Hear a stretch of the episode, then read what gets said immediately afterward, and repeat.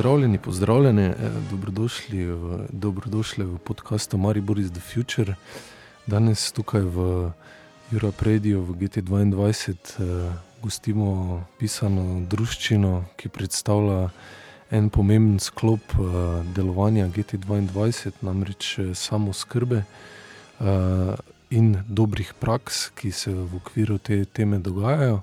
Tako da so z mano danes v studiu uh, Miha Horvat iz Fundacije Sonda, ki je. Um, Dober dan. Hej, hej.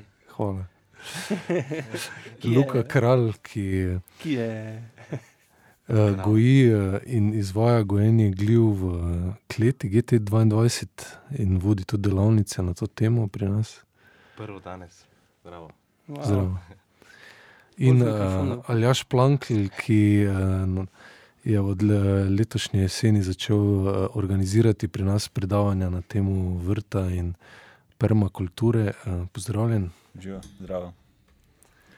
Začeli bomo z Miho. Miha, po, pojasnim malo, ta, kako deluje Inštitut za samo skrbo in dobre prakse, in kako je uh, s kakšno idejo in ciljem se je pognal ta sklop v GTO.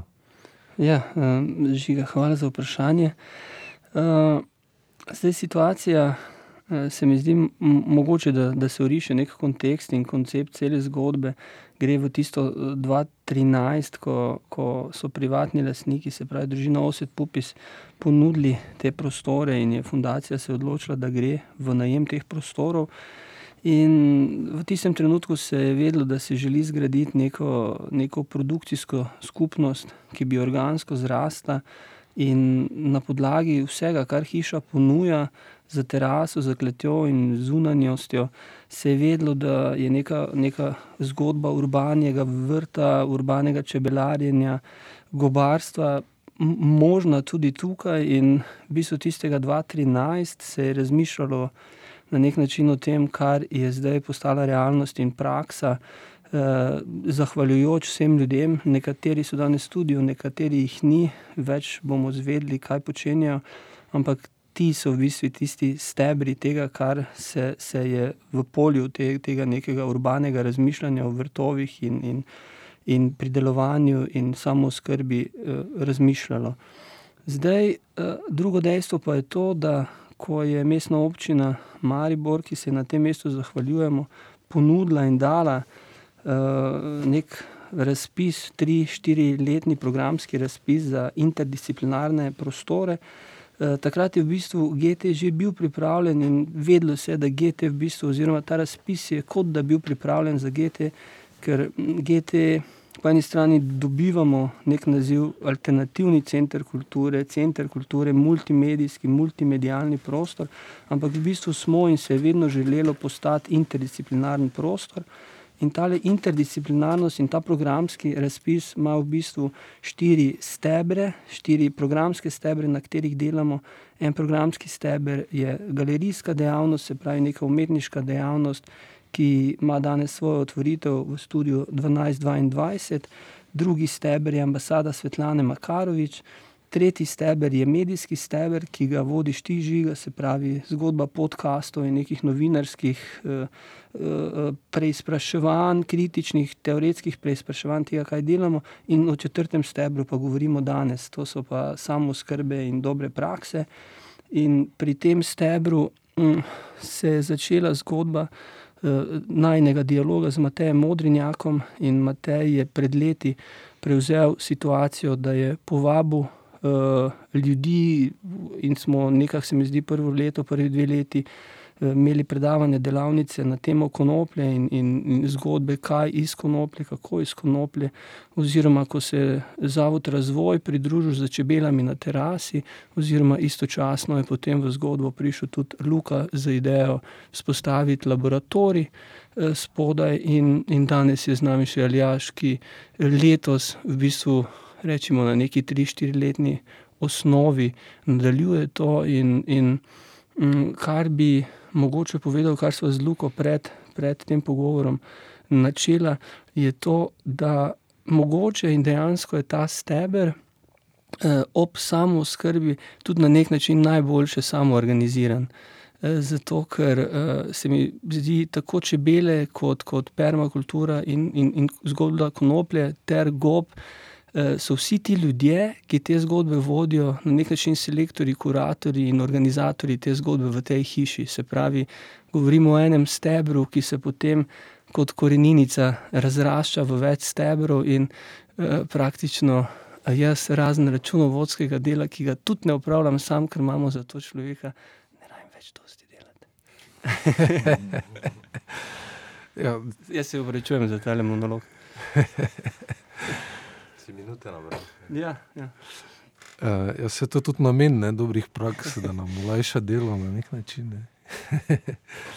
Je, zdaj, na, imamo tukaj v, bistvu v studiu dve, uh, bi rekel, dobri praksi ali pa več združenih pod dve temi, ki sta na različnem levelu. Zdaj, o gobah smo se pogovarjali že uh, tri leta nazaj, je bilo tukaj predavanje, pa si ti poslušal, Luka, uh, uh, kak je že bil tega gospoda, ki je predal gojenju gljiv doma. Jaz ga sam nisem videl, ampak je Aha. To misli gospod Gregori iz Ljubljane. Tako. Jaz sem potem prišel na zadnjo delavnico, ko ni bila več delavnica, ampak se je začelo izbirati že prostore, ker bi se gojilo.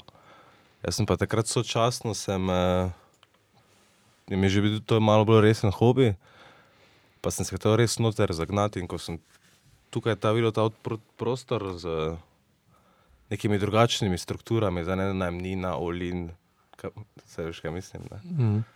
Um, sem videl v, tistem, v tisti kleti, gor odprti, sem, sem mislil, da okay, to je to. ne. Vrgel sem se noter, sicer dolgo ste bili tudi vi strpni tu z mano, prej sem sploh kaj, prej so stene postale bele, pa gobe sploh se not naselile. Tudi zdaj ni popolnoma popolnem obsegu, oziroma v polnem zagonu. Um, ampak ja, no, tako kot je prej Miha rekel, eh, ta samoskrbnost je, se mi ponavlja skozi vso mojo zgodbo pregljiva. Torej, same sebe oskrbujejo, mesto oskrbuje njih eh, z odpadom. Um, jaz tudi sam oskrbujem vse, kar tiče se mojih gljiv, ne, večino. No. Um, teda provam delati ta nek zaprti cikel, krok, kateri služi sam sebi. No. Mm. Um, to je neka podlaga, ta, da bi se potem iz tega lahko kaj ven izpeljalo, da priješ do nekega, ne rekel kapitalne moči, ampak moči micelija, torej telesa gljiv, gljive več imaš, več orodja imaš, da lahko z njo kaj narediš. Ne? Torej, plastiko, hrano, medicino. Ne? Mm. Um, pa zdi se mi, nujn, zdi se mi da, je res nujno, nu- da je res nujno, da se jih um, vključi v vse naše procese ne, um, delovanja. Ker so pač naš, en izmed naj, največjih temeljnih problemov so smeti. Um, Evropa nima drugih surovin več na pretek, smeti pa je, bi bi se lahko bila naša največja surovina. Ne. ne samo zato, ker imamo dosti nekih pelet, razno raznih polproizvodov, ampak končne tehnične neke stvari, katere že imajo namen, funkcijo in se jih enostavno da preusmeriti. Mm. Um, gljive pa potem poberejo zadaj še vem, skoraj 60% tega organskega odpada. Ne. Um, no, kaj pa vse z njimi lahko naredimo, pa je neverjetno, pač niti ne vem. Ne vemo. Se še ne ve. Ne. E, ti si, ampak ti, koliko razumem, kako si to zaštartal, pa prišel do tega, da to gojiš. V bistvu je to neprestano tudi zdraven učni proces. Ne? Neprestano se učiš, kako v tem prostoru, uh, kakšni pristopi, katere gljive. Uh, in to gradiš v bistvu počasi ob tem, se, s čimer se sicer tudi ukvarjaš. Ja, točno to me je tudi not potegnilo, ne? ker sem, takoj, ko sem to stvar našel, sem videl, da mi ne bo zmanjkalo eh, poti, katere lahko berem z njo. ne. Um, pač prišel sem mi momentalno v pravem delu življenja, ko sem pač obsesiral z smetmi, pod odpadom, pa upcycling, recycling, DIY, bla, bla, bla. In ko sem videl, da one to počnejo že od vekomaj, ne, pa da smo mi zgolj neki, ne vem, po, po prave evolucija, njih kaj te vem, ne, se ne vse. Ampak ta inteligenca razkrajanja, presnavljanja ne, stvari v nekaj drugega, razstrupljanja, to vse že one vsebujejo.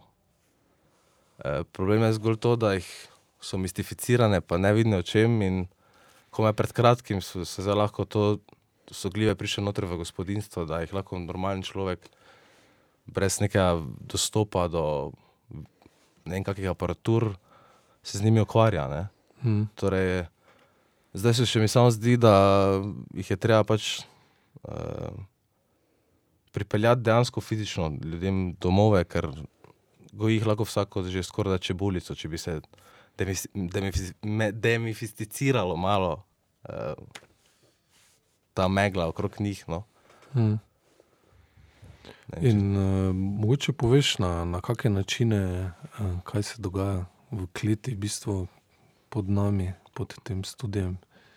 Uh, mi, Miha se je premalo zmotil, da je rekel laboratorij, v bistvu ni, ampak je growroom klet, torej, v katerem rastejo ti trosnjaki, uh, ker večina, večina dela opravim doma, to kuhanje, laboratorij in tako naprej. Um, tukaj v bistvu je mestna mariborska klet obokana, katera ima skoraj popolne pogoje za, večinoma, za večino lesnih gliv. Ne. Pač eh, potrebno je samo malo so pred zatohle, teda treba je zelo, zelo velik obseg kisika not spravljati konstantno in potem ohranjati vseeno maksimalno količino vlage, brez da se ti kondenzira. Ne. Ta načeloma imamo mi, Maribor ima podzemnega potencijala eh, ogromno, to, je, to so nevidna polja. Ne. Eh, plus tega jih lahko gojimo v vertikalu, tudi tako da tridimenzionalni prostor zasedajo. Teda ni samo površina pol v igri. Mm. Jaz, jaz sem ful fasciniran z temi taki megalomanski sanje, da bi ta, tam eh, tunele, da bi bile vse samo goba spodaj. Uh, zanimivo, zanimivo. Uh, kako pa recimo uh, ljudje, ki bi se želeli uh, z, s tem ukvarjati, kako je to dan danes enostavno ali zakomplicirano. Zdaj poslušali smo od uh, dr. Gregorija predavanje takrat, ki je razlagal, v bistvu rabiš hlod na žagan, kamor vstaviš miceli in dovolj hladen in uh, moker prostor, da se ta proces začne dogajati. Načeloma je, se pravim, toliko, toliko nekih tehnik, pa receptur, kam, kje lahko vse gobo ti gor gojiš, oziroma pač vse je važno, v katerem okolju si, ne, kakšne temperature, zdaj če se noter, potem to lahko spet umetno delaš, ampak načeloma sk- skoraj vsa biomasa bi se dalo predelati, tudi vem, cigaretni ogorki, sicer ne bo to vir hrane, ampak ne vem, kakih drugih materialov pa. Um, vse, kaj, vse, kaj se požaga, Nigrad v Mariboru, ta, te drevesa. Um, ves kafe, zod, karton, um, še celo las, lase bi lahko zbirali fri- od frizerk. ne. Um, vem, da vse bombažna oblačila, katera so tudi hudi faktor nasnaženja. Ne, ne A samo bi dejansko jim bila hrana. Ja, džins, eh, hlače, imaš ti lahko kako kilo strigara, vem, dobiš, ne, kater je super za jesti. Plus tega si naredil uslugo, ker si razgradil ta barvila, pa uh, kompostiral hlače, da imaš potem super, super kompost za svoj vrtič, ne mogoče. Ampak, gledam, taki, taka celostna, celostna rešitev predstavlja gljive, to zato, zato sem jaz z tega vidika jih bolj gledam, ne toliko zdaj eh, hrana, idemo, ne, ampak eh, Mhm. torej, opolnomočenje naših smeti, pa našega govna, da nam, ne, Kot uh, to, da, material. da si naredimo nekaj, s- kosovel, ne vem, gno je zlato. Ne? In to, če sklopiš gljive v to načbo, to potem je to skoraj da res. In kakšne gobe gojiš trenutno spodaj? Se Trenutno imam dole, dole imam uh, lesne gljive, uh, zdaj poganja resasti bradovec. Zajeli smo tu rejši, sedika ploščenka, pa uh, majtake, to ne točno kako se reče. Velika zraščenka, ja, slovensko. Ne šest, sedem vrst imam doma, uh, v knjižnici. No. Um, načeloma si probujem vedno kako dodati, če kaj najdem, ali v trgovini, ali v gozdu, ali da mi kaj pošlje. a Se. Ampak uh, dovolj je en disk tak, tega tkiva, micelija, pa lahko imaš ti potencial ogromen, kar se tiče, kaj vse ona lahko poje, ker se eksponentno širi. Ne. Mhm. Torej, Več, ko ji daš, bolj več je. Ja, raste. ja. A Kje pa lahko to ljudje nabavijo, kje recimo pa sami začnejo? Ali kaj lahko tudi pri tebi eh, zvejo, ker si začel delati delavnice? Um, ja, danes je prva delavnica, jaz upam, da mi bo to ohranilo, pač uspelo ohraniti naprej. Fokusiral sem pač na, um, ne na tehnike gojenja, komercialno in tako naprej, ampak zgolj kako bi lahko doma remedirali svoje odpadke in jih pač ne vem, vključili v svoj urbani vrt, uh, take stvari, take stvari bi rad najbolj naučil ljudi. Zdaj pa, kar se pa tiče um, kako se tega naučiti. Najboljše, da si nekoga, da se ali se nekomu prelepiš kot cek, kot dela, um, ali vklopiš YouTube dan in noč, pa par angliških knjig. Vem, če, najboljše je bilo, da bi znal kitajsko, ne? ker A, oni oni imajo mojstri. že 5000 let virov, gojenja gljiv, oni so alfa in omega ne, tega. Mhm. Tudi dosti gljiv mojih je kitajski, ampak um, se pravim. To bi po mojem najbolj koristilo mojemu ekološkemu znanju, da bi se kitajsko naučil, prvo pa šel tja. Ne. Pa ti iš- iščeš tudi uh, sodelavce, partnerje, ljudi, ki Ja, bi uh, želeli sodelovati, mogoče. Meni se zdi, meni se zdi super, pač, da bi mikologi sploh na splošno, oziroma gobogojitelji, kako bi rekel, ne, nastopili skupaj, z, ker sam s svojim celjem težko kako res razliko narediš, ne, ampak eh, to je rekel, da avtonomne neki gobogojitelji, ne, mogoče v prihodnosti kakšna zadruga, se nija veze, ne. Mhm. Uh, načeloma se vezati s kom tak, nimam namena, ampak ono tesno, ne, povezano. Ne. Uh, ampak zgolj kot sodelovanje avtonomni, avtonomnih nekih projektov, združevanje, ne vem, um, kemijsko je zagorel lani, kdaj predlani, se ne vem, se je ta potok zastrupil, pa lahko bi, mislim, da en ali dva zlopo sta dovolj, da to gre, da tja prineseta tkivo, miceli v vreči in v bistvu očistita potok. No. Ali dejansko. In ga, ja, to na Tudi kemijske te. Ma, ja, pač zdaj ne vem, kdaj sem. eh, Sicer niso potem to izdali, uh, ampak drugi gimnaziji lani uh, sem dal dve, dve vrsti. Ena je tako pogosta, da se ljudje mimo nje hodijo, na vsakem drugem drevesu je uh, pisana ploskotcelka, mislim, da je Mhm. termometer zvrsti kolor, to, to je prav. Um, ampak tista ima tak, taki remedialen potencial, da je noro in so oni so vzeli substrat iz tistih uh, naplavin, ko so prišli iz Avstrije na zdravje, zlato ličijo.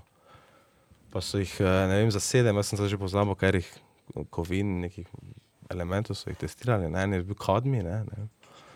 In so v večina jih je presegalo ogromno, ogromno faktor, zdaj dovoljenega, ne. Um, dva tedna preraščanja tega subs- to so ne vem, ali so ga pasteurizirali, sterilizirali, se ne vem, ali kompostirali, ne vem.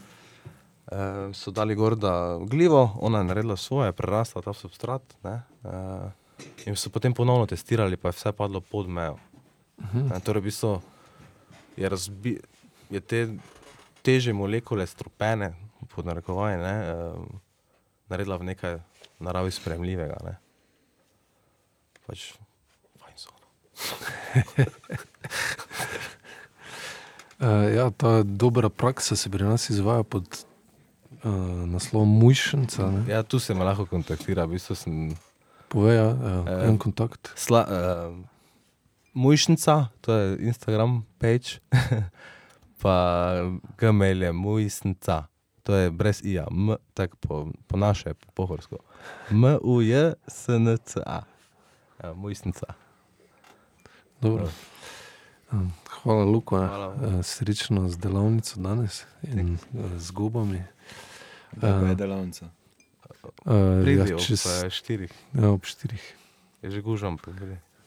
Sicer bodo to ljudje poslušali v prihodnosti, tako da je bilo v štirih. Ja, Okay, okay. Fajn je bilo. Mislim, da smo live. Ne.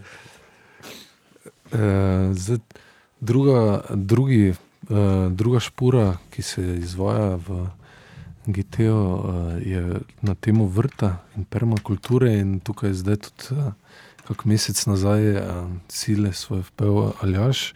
Aljaš, povej nam malo, um, kaj smo že lahko poslušali v GTO in kaj, kaj še bomo v naslednjih dneh. Uh, je, Ja, uh, živijo najprej, hvala za povabilo. Um, ja, uh, prvo predavanje, ko smo ga imeli zdaj v okviru dobrih praks, pa samo skrbe, je bilo uh, vrt brez prekopavanja. Uh, tega sem jaz organiziral in v bistvu sem tudi tako uh, začel sodelovati uh, z GTM, pa vsemi vami. Um, potem pa sem še spravil sem uh, Tomija Gerkiša, ko pa je um, imel predavanje o otroci v permakulturi.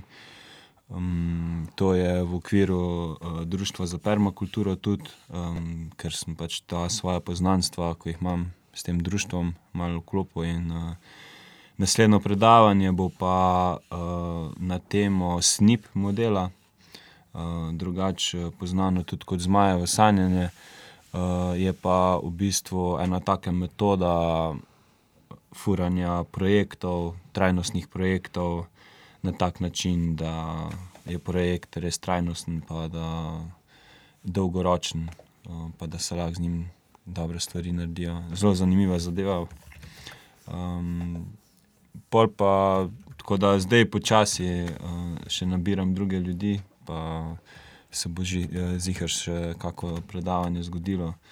Um, vsa predavanja so pa tako nekako usmerjena v neko trajnostno, naravnano tematiko, ali je to naravna, ekosistemska tematika, ali je to socialna tematika.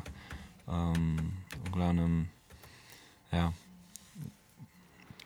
A, Tako da permakultura ni, ni samo nekaj dela, delo za zemljo na vrtu, ampak a, permakultura tudi kot način funkcioniranja, a, sobivanja ljudi.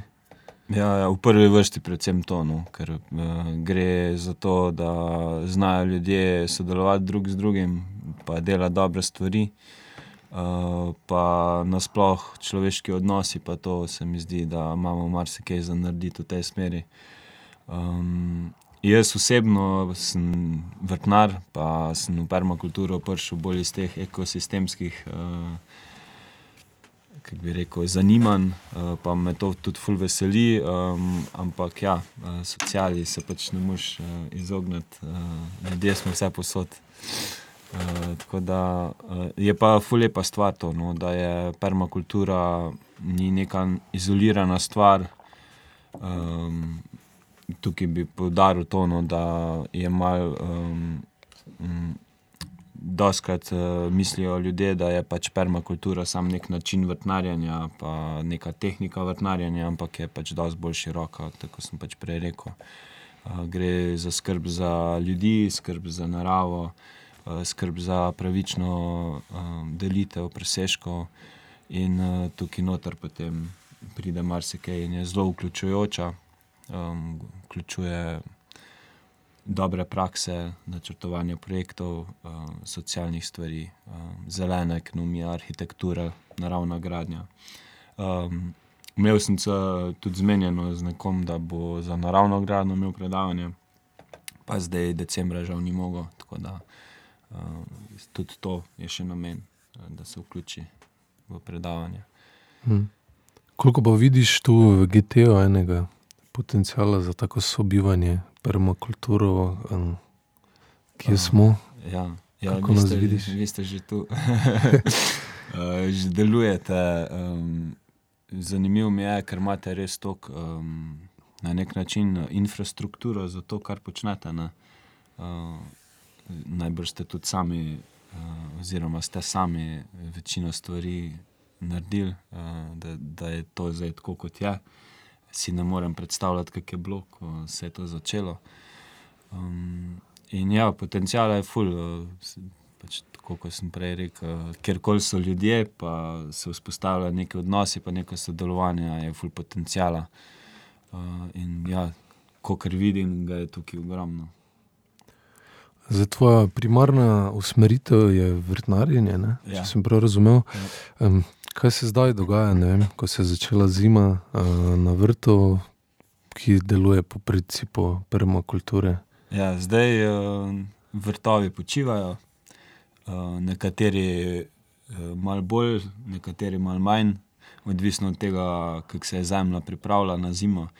Uh, jaz sem zelo zagovornik tega, da se vrtovi pripravijo že v jeseni, pred zimo, uh, predno pride tako vreme, zato da potem spomladi lahko vrt zaštarta na temeljih, ki smo jih v jeseni zgradili.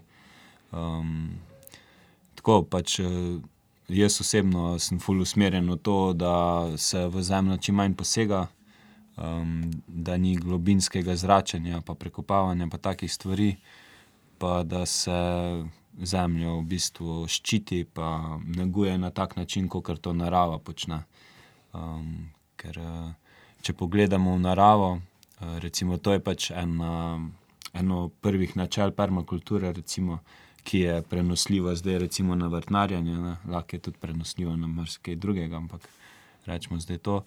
Um, opazuj in deluj, je to načelo. In pri permakulturi, ko delamo stvari, ko načrtujemo stvari, se doskrat uh, spogledujemo z naravo, pa z naravnimi procesi, kako to narava sama že počne, uh, ker je zelo dober vir.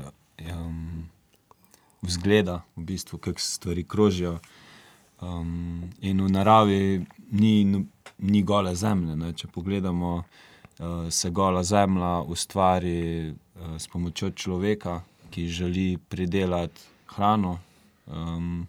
Ali pa če so kakšne naravne katastrofe. Um, ampak v tem primeru pa vidimo, da ima narava sistem, kako obnoviti stvari, uh, da se stvari čim prej ozelenijo nazaj.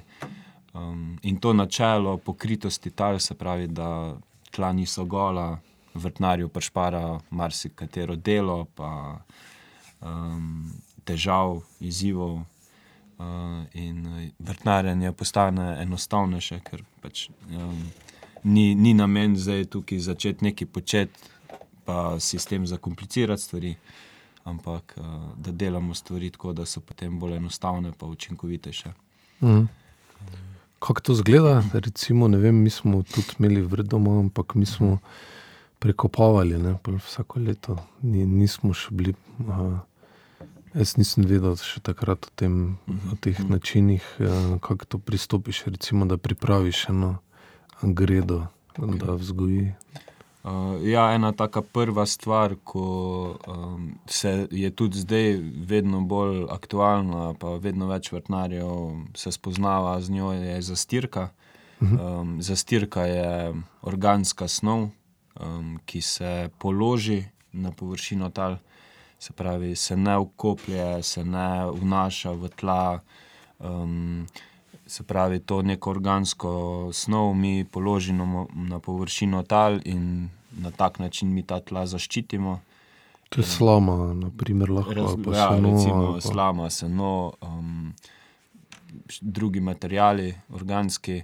Uh, jaz uh, sem prišel skozi leta do tega, da pač teh organskih snovi ne uporabljam več toliko v svoji prvotni obliki tako recimo maslamo, pač kot, um, ampak um, veliko kraj uporabljam uh, organsko snov, ko je že delno preperela, delno predelana, skompostirana, da je čim bolj fina, drobna, ker na tak način je veliko bolj učinkovito potem na vrtu pridelo, uh, pridelovati zelenjavo. Mhm. Um, zdaj, Zemljo lahko mi zaščitimo s kakršno koli organsko snovjo, uh, ampak potem pride tukaj še pol vzgoja zelenjave, ko pa je lahko enostavna ali pa zakomplicirana, odvisno kako organsko snov daš kot za stirko na vrt. Uh, in z leti sem prišel do tega, ja, da bolj ko je fina, bolj ko je drobna, skompostirana, boljše je, bolj je vse enostavno, uh, rastline boljše rastejo. In uh, to zgleda tako, polja, da pač daš ene 3 cm komposta na površino tal, ga ne ukoplaš noter v tla, ga postiš kot uh, zastirko, zato da ščiti tla. In uh, to naredi ogromno, ogromno, zelo pozitivno je to za tla, ker jih na tak način zaščitimo pred vetrom, dežjem in soncem. Zdaj, to so tri, tri elementi narave, ki so zelo pozitivni, pa brez njih neč ne bi bilo. Ampak, um, če pa imamo mi kombinacijo golih tal in teh elementov, je pa to zelo destruktivna stvar. In mm. dežna kapljica um, je zelo zanimiv, pravijo za njo, da je lahko najdestruktivnejša sila na planetu Zemlja, ker uh, vemo, kaj dela voda. V kombinaciji z golo zemljo, recimo, um, kakšna erozija je. In in na vrtu se to kaže na to, da pač se, se zemlja vsakič, ko recimo dežuje, zbija, zalepi, um, veter zemljo izsušuje, um, odnaša tudi, ko je v prašnem stanju, um, sonce pa tudi ful zapeče, izsušuje in tako naprej. In te tri kombinacije, mislim, kombinacija teh treh. Je pol za vrtna tla zelo destruktivna, za vrtnarja pa pol pač ima s tem več dela na koncu sezone ali pa na začetku sezone. Um, Seme pa gre kam pod to nastilko ja. ali v zemljo? Tudi, no. Ja, zdaj, če imamo kakšna drobnejša semena, ponavadi um, naredimo normalno jarek, noter v vrtnat, uh, mislim, naredimo jarek v zastirko, pa posejemo seme, pa nazaj zagrnemo. Uh, tukaj je zdaj pač to, teh detajlov, uh, glede zastirke. Um, jaz sem se pri vrtnarjenju že od začetka ful usmerjal v zastiranje. In uh, je, je dosti načinov, eni pač pol, uh, so primerni, drugi ne. Uh, recimo, čist konkreten primer, uh, zastirka iz celega listja, recimo.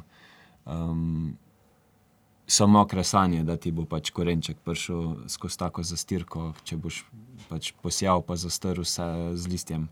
Uh, pač ne bo zraslo nič. Mm.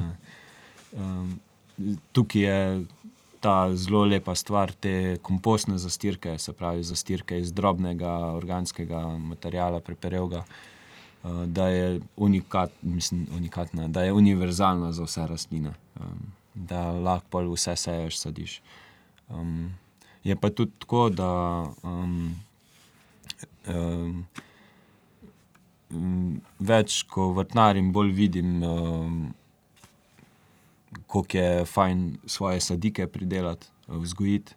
Uh, ker recimo pri vrtnarjenju jaz uh, 90% rastlin vzgojim s pomočjo sadik od začetka. Se pravi, seme ne gre direkt na vrt, ampak najprej vzgojim sadike, pa potem sadike na vrt presajam. Tako da je. Um, zelo malo število rastlin, zelenjave, um, v bistvu direktno sejem. To, to je glih tako, kot pastinak, korenje, bob. Um, ostalo je pa že skoraj vse iz sadik. Uh mhm. -huh. um, Kako pa recimo zdaj po zimi se pač učimo, ne, v vrtu planiramo, ja, ja. vzgojimo sadike. Mm. Um, bo tudi eh, ta predavanja, ki so v GTO prerasla v neke delavnice, bodo ljudje lahko to preizkušali. Ja, uh, ja jaz imam eh, z, z delavnicami tako že tudi preizkušnje, tako da bomo z veseljem v tej smeri sodelujemo. Um, ena izmed zanimivih delavnic bi bila taka um, delavnica vzgoje sadik ker eh, tle so prostori, pa se lahko um, naštima tako kot nek growroom za, za sadike. Uh, pa če pa um, se kako urbani vrt zrihta, pa to se pa lahko te sadike tam porabljajo. Um, oziroma, tudi načeloma se lahko podarijo ali pa tako. Um, ja, za delavnice je tukaj kar velik uh, potencial, sploh v sezoni, ko je odzuni lepo vreme, pa se lahko na, na prostem delajo delavnice. Um, jaz, predvsem, sem želel, vedno, ko sem delavnice delal, pač, da so res praktične, um, da se um, pokažejo stvari, kako delujejo. Tako da ponovadi se je zgodilo prav na kakem vrtu. Pa, pa najraje sem imel, da je ta vrt bil že nekaj časa vzpostavljen s takimi metodami, ko jih uporabljam, zato da lahko pokažeš ljudem, kako uh, je. Ne? Ker je veliko težje govoriti o nečem, kar bi bilo fajn, da bi bilo, pa to ni in ljudje ne morejo tega videti. Mm. Uh, je pa tako, mislim, da tu v Mariboru je že kar dosti vrtov uh, na tak način vzpostavljenih. Um, v zadnjem letu se je to res razširilo in ljudje so res zagrabili, ker vidijo smisel v tem in me to ful veseli. Tako da, ja, definitivno bomo kakšne delavnice delali, ja, ali po Mariboru, ali pa tu v GTO. bomo še videli, bomo kaj na gruntu. Super. Uh, ja, z nami je tudi koordinator, zdaj se je pridružil v studio programa Dobre prakse, ki tudi sam uh, se ukvarja z, z predvsem s področjem konoplje, tudi uh, Matej Mudrnjak, uh, Matej, uh, mogoče kar uh, poveš, nadaljuješ tukaj, kaj, kaj nas čaka v naslednji sezoni, ko bo zime konec, ko bomo lahko šli dobre prakse preizkušati v praksi. Lep pozdrav. Ja, kot eh, ponavadi bomo eh, začeli že kar ta trenutek, ne bomo čakali na začetek naslednje sezone. Ker, eh, kot je že Aljaš povedal, že predpriprave je treba narediti, in v bistvu v naslednjem letu je ena taka praktična zgodba pridelava konople, da vzgojimo eno nivo konople v, bistvu v preteklih letih smo že sodelovali z Drava centrom in v, v obdravi tam že neke testne posevke naredili, pridobili dovoljenja in uh, malo testirali. Letos pa se odpirajo nove možnosti, tudi, uh, tudi z, z, na različnih lokacijah, v Halozah uh, obstaja ena kmetija, za katero razvijamo pač možnosti sodelovanja, tudi tukaj v okolici Maribora obstajajo uh, kmetije in lokacije, kjer želimo ljudi iz mesta vključiti v uh, procese, ki se dogajajo na, uh, na deželi.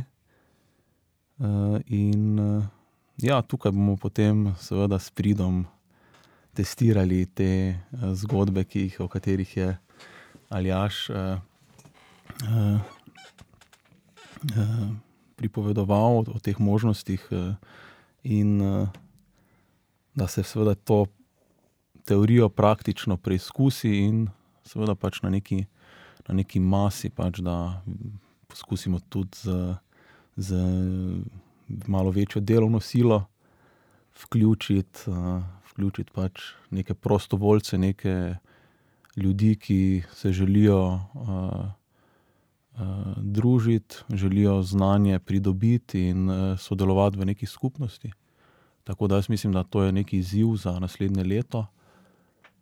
Uh, privabiti uh, uh, ljudi, mlade in stare, uh, glavnem ljudi, ki želijo delati z naravo, ki si želijo delati uh, na kmetiji, uh, ki želijo delati na, na zemlji in jih potem uh, nekako uh, ja, vključiti v te naše testne aktivnosti. Da, ja, konoplja je ena, ena zgodba, tako da ja, v bistvu v decembru bomo že, uh, bomo že, moramo že eno nivo zorati, zdaj pa ali jo bomo res zorali, je pa to mogoče zdaj vprašanje ki ga bomo naslovili za Aljaža, ali bomo samo zbranili, ali bomo mogoče celo vse skupaj pustili, pa samo s čem pokrili. Ne. Jaz mislim, da smo odločili za nekaj, kar nam bo uh, enostavno in hkrati efektivno. ja, kaj boš povedal, Aljaš? Ja, če gre za nivo, je najenostavnejše, da zorješ, pa, pa poseješ spomladi. Uh, Uh, ja, tudi uh, na tem modelu je dosta uh, raziskav, pa novih metod. Obstajajo kmetje tudi v Sloveniji, ko brez oranja obdelujejo njive, večje površine. Problem pri večji površini je ta, da ko ti želiš potem ščititi zemljo, ne moreš se več posluževati tega, da prinašaš organsko snov na, na mesto, ampak mora zrasti tam, kjer uh, bo tudi pol pridelek rastel. Tako da se gre tu za zelena gnojenja, pa to, pa malo drugačne pristope. Ne bom kaj preveč bluzu, ker nimam ful veliko izkušenj, imam izkušnje z malimi nivami, ko sem probaval te stvari. Uh, ampak ja, se z veseljem vključim, pa delamo malo eksperimente, pa mogoče gremo tudi obiskati kakšne tele kmetije, ko se s tem ukvarjajo v Sloveniji. Um, je pa na, ja, tako je že prej Luka rekel, na YouTubu je tega ogromno, sploh v, v Ameriki se je to fulje razvilo, ker uh, tam kmetje niso bili tako subvencionirani, jim ni bilo tako lepo, um, so se ekonomsko mogli zelo boriti in so zaradi ekonomije v bistvu nehali uh, škropiti tako veliko. Uh, vseh teh stvari uporabljati. Uh, in, uh, ja. Oranje je pač samo še en poseg, ko moraš iti s traktorjem na nivo, kar pomeni benzin, pa stroške. In uh, so zelo veliko uh, dobrih stvari na gruntu, dejansko brez oranja uh, obdelujejo nive in pridelujejo stvari, ki jih ljudje rabimo. Ja, Kar... Ja, bom kar nadaljeval. To je v glavnem en poziv vsem, ki, ki si želite uh, lepega dela. Uh, pridite v GT in se nam uh, pridružite, uh, javite se nam ali preko Facebooka ali preko maila. Kjerega?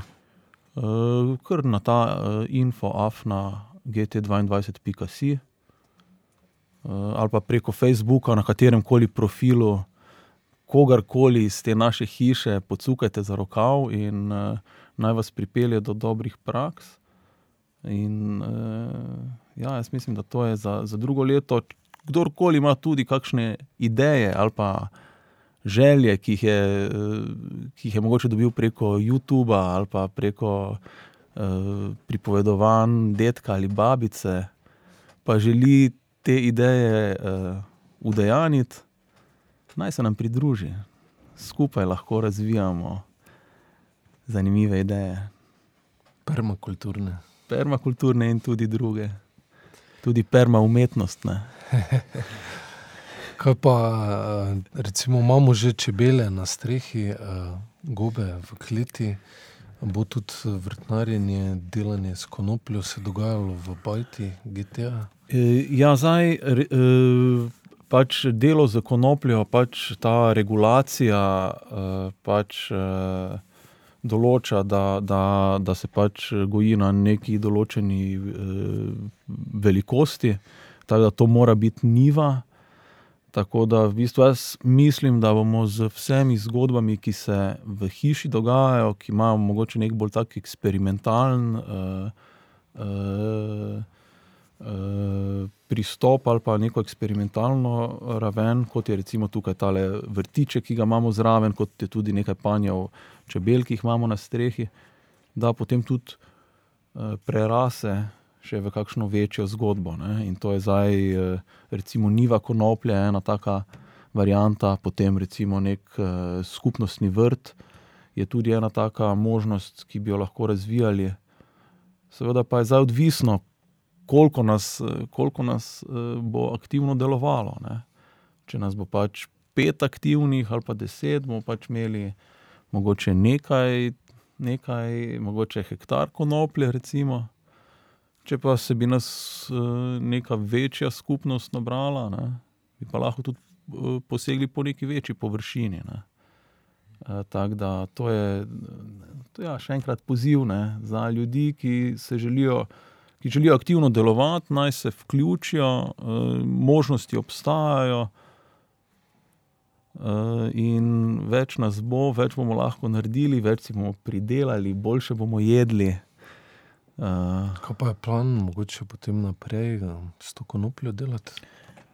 Ja, ta konopla ima lahko pač različne, eh, raz- različne nivoje. Pač bi lahko eh, pač zdaj tu od, eh, od pezdirja za, grad, za gradben material, potem imamo to zrnja, ki se pač zmelja, ne, da mislim, stisne v, v olje, ne, semena. Ne.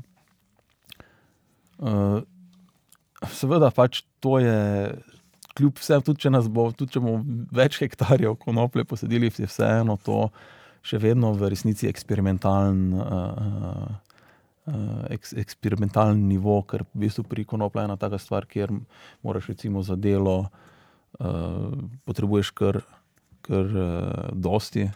Material, ampak mogoče je lahko potem naš plan, če bomo dovolj resni, da se priključimo za drugi konopko. Ne. Tako da potem v bistvu se vključimo v neko tako eh, zgodbo, in potem tudi naš ta izdelek, eh, oziroma pač ta naš, eh, v bistvu, to v bistvu ni izdelek, to je v bistvu pač ta, to, to, ta naš pridelek, ne, eh, vključimo v verigo, ki jo vzpostavlja recimo zadruga Konopko. Ne. Ja, tudi zadruga se že predstavlja v GTO, ne? Kaj trenutno dela, na kakšni ravni je zadruga Konopko, koliko ljudi je v njej povezanih. Koliko je meni znano, je okoli 150 članov v zadrugi, eh, aktivno delujejo, eh, pač to je kar eh, en boljših brendov, eh, ki so bili vzpostavljeni eh, pri nas na področju konoplje. Eh, strokovno so podkovani, eh, zadruga raste, mislim, da celo zdaj že se vedno bolj profesionalizirajo tudi, tudi neke produkte so vzpostavili. Tako da jaz mislim, da to je en taki dober primer eh, zadružništva. Je pa na področju konoplje eh, problem ta, da pač celotna veriga v Sloveniji ni, ni vzpostavljena, oziroma pač ni, po, ni povezana. Uh, Tako da recimo v gradbeništvu še, dosti, še vedno dosti krat uporabljajo surovine, ki prihajajo iz drugih držav, ne, še nismo sposobni pri nas vzgojiti pa pred, predelati nekih surovin uh, in ponuditi uh, trgu, uh, pač, oziroma pač tem proizvajalcem. To je en izziv. In, ja. Okay, še enkrat vabljeni, ne, da se pridružite tem dobrim praksam, predavanjem. Zasledite jih lahko tudi na spletni strani gt22.si, kot je rekel Matej. Na, ako nas spremljate na Facebooku, Twitterju, tudi newsletter pošiljamo tedenski, kjer obveščamo, kaj se dogaja na tem področju. Um, hvala, Matej, hvala, Ljaš, da ste bili z, z nami. Hvala, David. Hvala. Uh, hvala Boki, da si nas hvala. tehnično porihtal in hvala vam, da ste poslušali in lepo, lepo vabljeni v GT na dobre prakse razvijamo naprej skupaj.